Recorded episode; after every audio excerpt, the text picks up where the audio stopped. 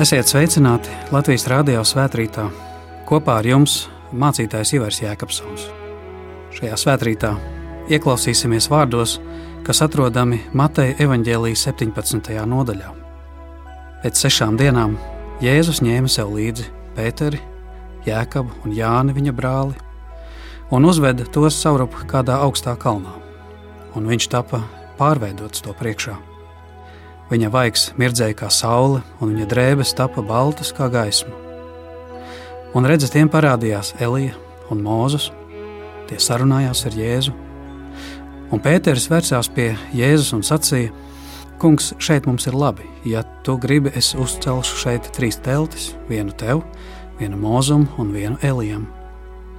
Kad viņš vēl runāja, redzēja, spožs padebesis tos apēnoja, un pēkšņi balss no padebesis atskanēja. Šis ir mans mīļotais dēls, uz ko man labs prāts, klausiet viņu. Mācekļi to dzirdēdami ļoti nobijušies krita uz savu vaigu. Jēzus pienāca tiem klāt un pieskāries teica: Celieties, nebaidieties! Acis pacēluši, tie vairs nevienu citu neredzēja kā vienīgi Jēzu. Kāpjot no kalna lejā, Jēzus tiem pavēlēja: Nestāstiet nevienam par šo redzējumu, kamēr cilvēka dēls nebūs uzcēlies no mirušiem.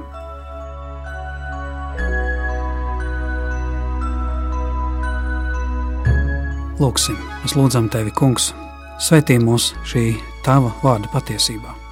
Tavs vārds ir patiesība. Āmen!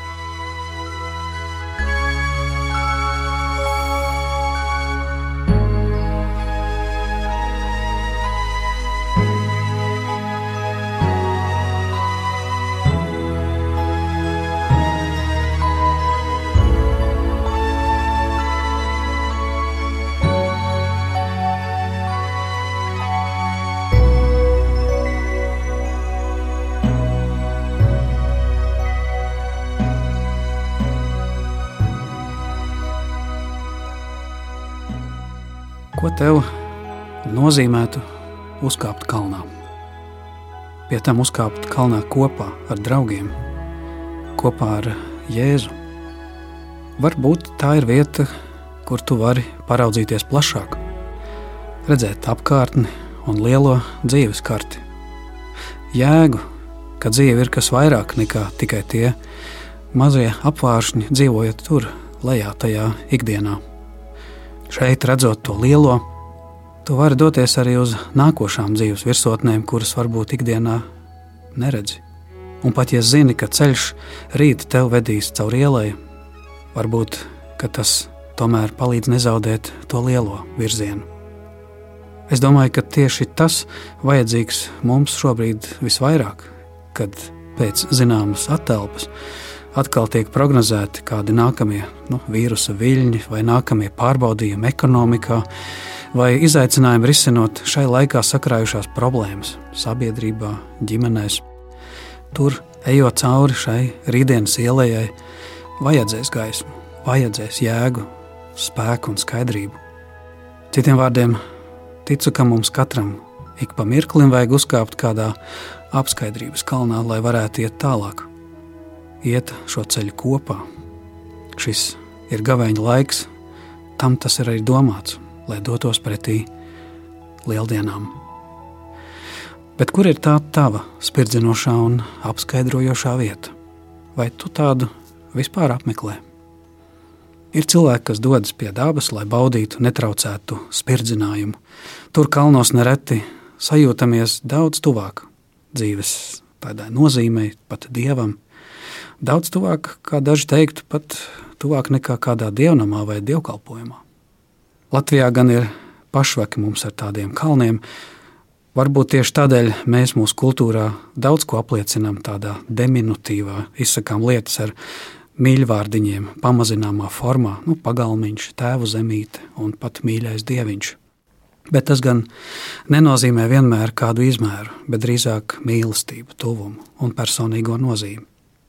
Toreiz tas Tabora kalns Palestīnā ar savu 575 metru augstumu krietni vien pārsniedz Latvijas gaiziņu. Taču šķiet, katrā zemē ir savs Tabora kalns, kur uzkāpt, Pat mums te Latvijā burtiski ir Tabora kalns, piemēram, Sēlijā, bet garīgi katrā novadā ir savs dievnams, sava svētvieta. Dievnamā kādam var šķist griezti pārāk zemi, un varbūt tur iztraucē pārāk daudz cilvēcīgo trokšņu, un nenoliedzami, ka klusums, vienatne, dabas skaistums runā personīgi un dziļi nekā cilvēcīgā jēzga. Bet patiesa kristīgā tradīcija arī to saka, ka Dievs runā radībā un caur radību. Taču tā ir tikai viena garīgās dzīves daļa. Tā ir personīgā attiecība daļa, es un Dievs, ko cits manā vietā nevar izdzīvot. Taču Dievs runā gan radībā, gan arī savos vārdos, bet īpaši arī, kā pravietis Iesai teiktu, salauztā sirdī. Jā, tā ir vēsts mums, ka Dievs runā, Dievs ir pieejams, lai kur mēs atrastos, un ka arī mūsu bēdās Viņš mūs nav atstājis. Dievs tiešām nav ieliekams kādās rokām darinātās celtnēs, Viņš vispār nav kaut kur ieliekams. Viņš pats nāk. Viņš pats ir izvēlējies nākt pie mums cilvēcīgā veidolā, runāt uz mums cilvēkiem cilvēcīgā veidā caur savu dēlu, un turpina to darīt arī caur saviem ticības ļaudīm draudzē. Tāpēc tikpat daudziem soļi tuvāk dievam nozīmē uzkāpt baznīcas kalnā un izdzīvot savas ticības atklāsmi caur attiecībām ar brāļiem un māsām, un tur saklausīt dieva atklāsmi Bībeles vārdos, caur svētdarbībām, proti, sakramentiem, un caur kopīgām lūgšanām, kopīgām dziesmām, caur dievkalpojumu. Šodien Jēzus aicina mūs uzkāpt kalnā, lai redzētu savu ceļu, lai skatītu to, kurš ir ceļš, patiesība un dzīvība, un iepazītu viņu vairāk. Galvenais ir šī sastapšanās, skatīt viņu. Un viena lieta ir zināt par viņu daudz ko, lasīt kaut ko par viņu, skatīties kino, vērot kādus attēlus, ko citi veidojuši, bet pavisam cits ir iepazīt viņu pašu. Kāds tad viņš ir? Un tas nozīmē doties kādā pārgājienā, ceļojumā, uzkāpt kādā apskaidrības kalnā, Un šādā ceļojumā dodoties, tas varbūt nozīmē iepazīt arī citam citu vairāk. Nevis tikai, kad problēmās visu kaut ko sarunājam, cits uz citu kādās sasmakušās telpās, ak, tad tāds tu esi, bet kad esam kādā svētlaimes vietā un redzam mirdzumu otrā acīs, kad vīrs, sieva, bērni, draugi un pat mūsu attiecības ar Jēzu atklāja, kāds tad patiesībā tu esi un kādu Dievs tevi redz. Es domāju, ka gaveņa laiks ir domāts tieši tam - noiet malā, apklust, sadzirdēt, attīrīties, sagatavot augsni auglīgam pavasarim un ticības atzimšanai, skaidrāk saredzēt un atkal un atkal piedzīvot to ceļu, kas ejams man, kas ejams mums kopā, kas ejams mums kopā ar Jēzu. Pirms ciešanām es domāju, Jēzum tas bija ļoti svarīgi. Vispirms uzkāpt tur ne tikai pašam, bet kopā ar saviem mācekļiem, un kopā ar mums, kad mēs šodien to darām, kopīgi lasot šo notikumu. Bībele ir dieva mīlestības vēstule. Kā svētais Augustīns par šo grāmatu savulaik sacīja, tā ir vēstule no mājām. Šodien to sadzirdam īpaši šīs dienas notikumā, kad Tēvs no debesīm no mājām saka savam dēlam: Šis ir mans mīļais dēls, klausiet viņu. Te ir adresēts vārds Jēzum un mums. Jā, kā tas būtu mums to dzirdēt, ka mācekļi to dzirdot izbijās. Jā, redzēt Dieva godību, dzirdēt Dieva vārdu no viņa paša, saņemt viņa mīlestības apliecinājumu, tas varēja būt apbrīnojami skaisti, bet vienlaikus arī baisi. Tie izbijās. Pēters, Jēkabs un Jānis atpazīstot šo Dieva balsi. Tas notikums atgādina pirmkārt mīlestības apliecinājumu, bet no otras puses dieva lielo realitāti. Tas atgādina Jēzus piedzimšanu. Vienpiedzimušais dēls no svētā gara, no jaunās Marijas piedzimis. Tas atgādina Jēzus kristību dienu, kurā mums atkal balss atklāja no debesīm: Šis ir mans mīļais dēls. Un līdzīga pieredze veido arī mūsu ticību kad savā lūkšanā, savā lūkšanu kalnā aiz saviem čukstiem sadzirdam dieva čukstus, kur kāds tev saka no debesīm: Tu, mans bērns, es tevi mīlu! Pēc šādas pieredzes ik viens māceklis var sacīt, tagad es ne tikai zinu kaut ko par Dievu, bet pazīstu. Pazīstu Dievu, pazīstu Jēzu, kāds viņš ir. Vai mēs spējam aptvert, cik daudz ir pateikts šajā vienā teikumā? Šis ir mans mīļais dēls, klausiet viņu. Un ko tas mums katram nozīmē? Te ir iespējams kaut kas tāds, pie kā jāpavada laiks, taču vēsts pamatā ir vienkārša. Jēzus ir Dieva dēls. Te ir aicinājums ieklausīties viņā, klausīt viņam, paklausīt. Vai tas tev tagad varētu palīdzēt labāk dzīvot, labāk ticēt un mīlēt, nu, tā kā Jēzus gribētu? Bet ak, kāda tā ir svētība nonākt pie šīs skatīšanas, pie patiesās Jēzus iepazīšanas. Dievs runā ar mums arī ikdienā. Varbūt šorīt tev kāds tuvinieks sacīja kaut ko labu, un caur to atklājās arī kāda dieva mīlestības vēstule tev. Dievs pats toreiz uzrunāja Jēzu un mācekļus, un caur viņiem tagad viņš grib uzrunāt mūs. Tādēļ atver ikdienā Bībeli, ieklausies, Dievs runā. Viņš atbalsojas tavā sirdī, viņš ir nojaušams dabā visā, kas ap tevi notiek. Uzkāp kalnā, uzkāp baznīcas kalnā. Vēro, ieklausies. Mācekļi tur toreiz kalnā redzēja lūkšanā, kā Jēzus tapa pārveidots. Grieķu valodā tiek lietots vārds metamorfoze. Jā, tas ir process, ko varbūt dabā var salīdzināt kā kāpura pārvēršanās taurenī, metamorfoze. Vaiks spīdēja kā saule, drēbes kā gaisma. Tas ļāva ieraudzīt godības kungu. Vēlāk jau Visi trīs, Jēkabs, Pēters un Jānis, savā vēstulēs par to atgādinās. Piemēram, Jēkabs vēstulē saka, mani brāļi, ticību uz godības kungu. Vārds godība ir sinonīms vārdam gaisma. Viņš saka, nesaistiet ar cilvēku ārieni. Tāpat Jānis savā evanģēlijā, pirmā nodaļā, saka, mēs skatījām viņa godību, tādu godību kā tēva vienpiedzimušam dēlam. Un apustulis Pēters otrā vēstulē, pirmā nodaļā saka, nevis sagudrotiem stāstiem sekodami, bet kā viņa varenības acu liecinieki, mēs jums atklājam mūsu Kunga Jēzus Kristus spēku un atnākšanu. Kad viņš no Dieva tēva saņēma godu un slavu, varenās godības balss atskanēja, pavēstīdama, šis ir mans mīļotais dēls, uz ko man labs prāts.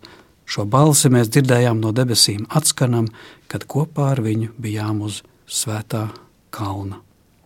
Nu, lūk, tā runā šie Bībeles līdzautori, kā arī daudz citi, ka, kad Jēzus savu darbu bija paveicis pie krusta, tad bija atļauts jau par to runāt skaidri.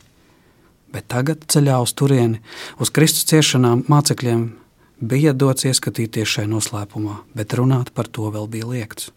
Laikam jau nekad nevar būt pietiekoši sagatavots gaidāmajam, arī gaidāmajām ciešanām. Dzīvē nav ģenerāla mēģinājuma. Tas ir kā pirmā skolas diena, kā pirmā mīlestība, pirmās dzemdības, arī pirmā slimība vai operācija vai tuvinieka zaudējums. Tikai pieredze ļauj izprast, ko tas nozīmē. Šie vārdi no debesīm, šie vārdi, ko sacījuši Jēzus, vārdi, ko saka tev tēvs, māte un mīļotais. Bet domājot par to, tu vari iet uz to apzinātāk, informētāk. Tas nozīmē saņemties un uzkāpt apskaidrības kalnā un iekārt tenkuru debesīs. Un tad tu vari laisties pa tellē, jo zini, ka tev vienmēr būs kāda saikne, kas tevi noturēs un pacels.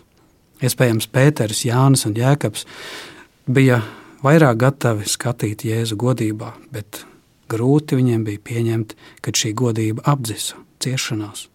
Taču viņi bija aicināti sekot līdzi un kļūt par visu šī Jēzus ceļa lieciniekiem. Tādā ziņā šeit Tabora kalnā satiekas arī ģedzemani, kas vēlāk sekoja īsi jau pirms nāves. Tie ir stiprinājumi brīži ceļā arī Jēzum pašam, kas sagatavoja un stiprināja viņu gaidāmajam. Tas, cik gaistoši mēdz būt šāda pieredze cilvēka atmiņā, liecina, ka mācekļi nespēja palikt ar Jēzu līdz galam.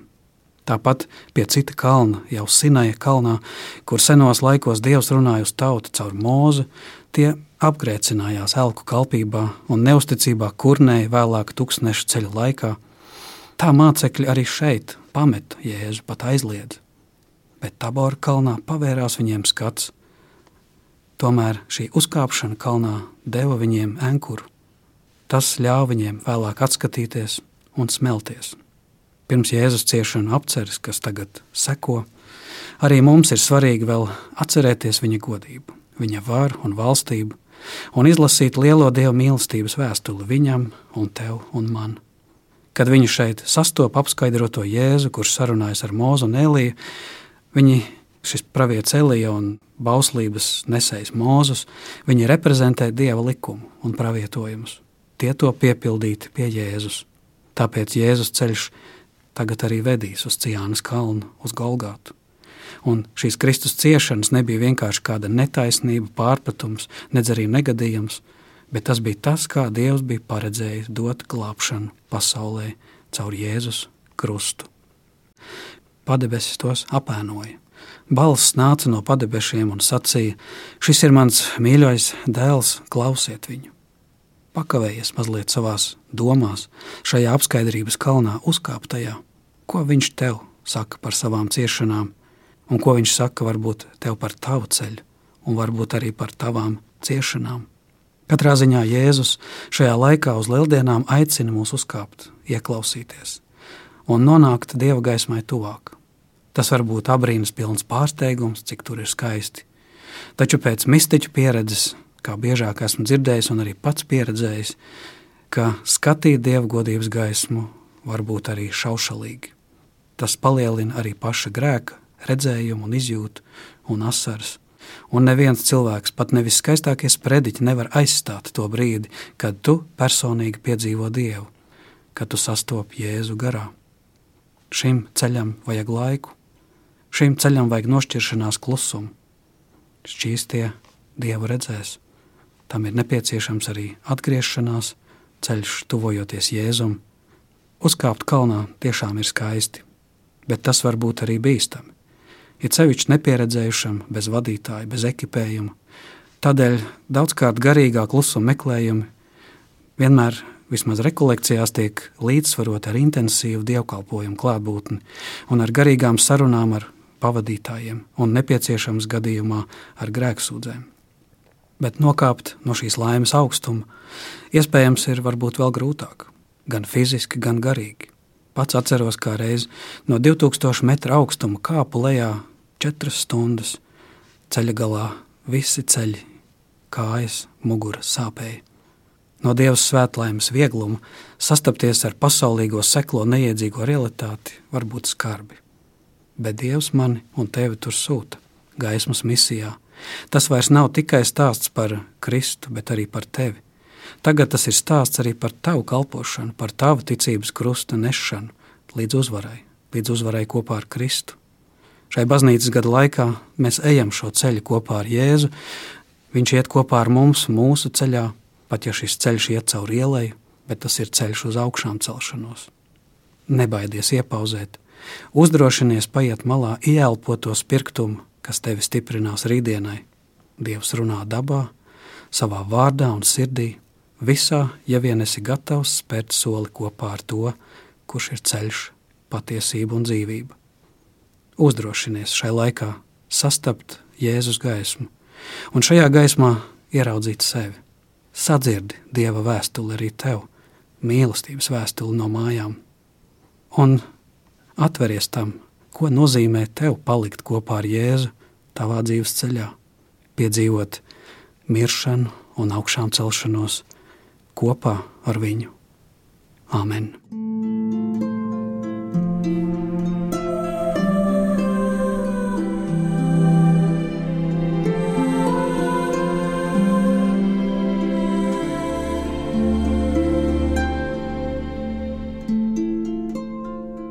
Lūksim Dievu par pamatu ņemot atskaņas no 25.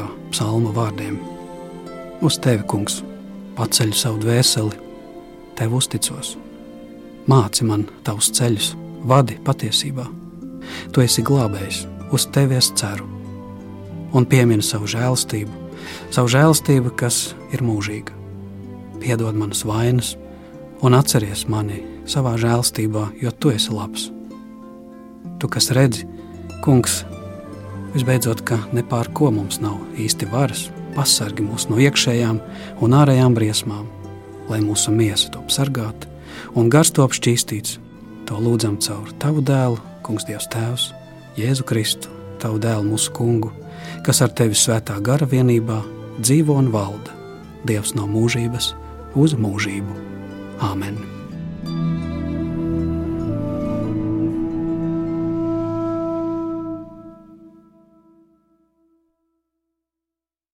Studijā kopā ar jums bija mācītājs Ivars Jēkabsons.